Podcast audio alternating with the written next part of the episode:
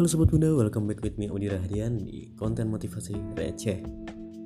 Beberapa waktu yang lalu ada yang nanya ke gue Gimana sih caranya mengikhlaskan? Ya jujur kalau menurut gue mengikhlaskan itu sulit.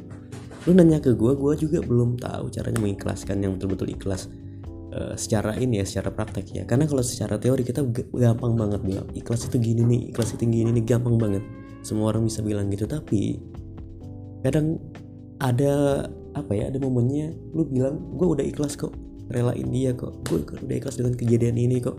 Cuma ketika lu dibahas tentang hal-hal itu lu akan sedikit flashback dan akhirnya emosi lu bangkit lagi. Jadi kalau menurut gue ikhlas itu adalah ketika kita sudah merasakan hal yang netral gitu dipancing-pancing lagi kita udah nggak ngerasa kecewa kita nggak ngerasa marah.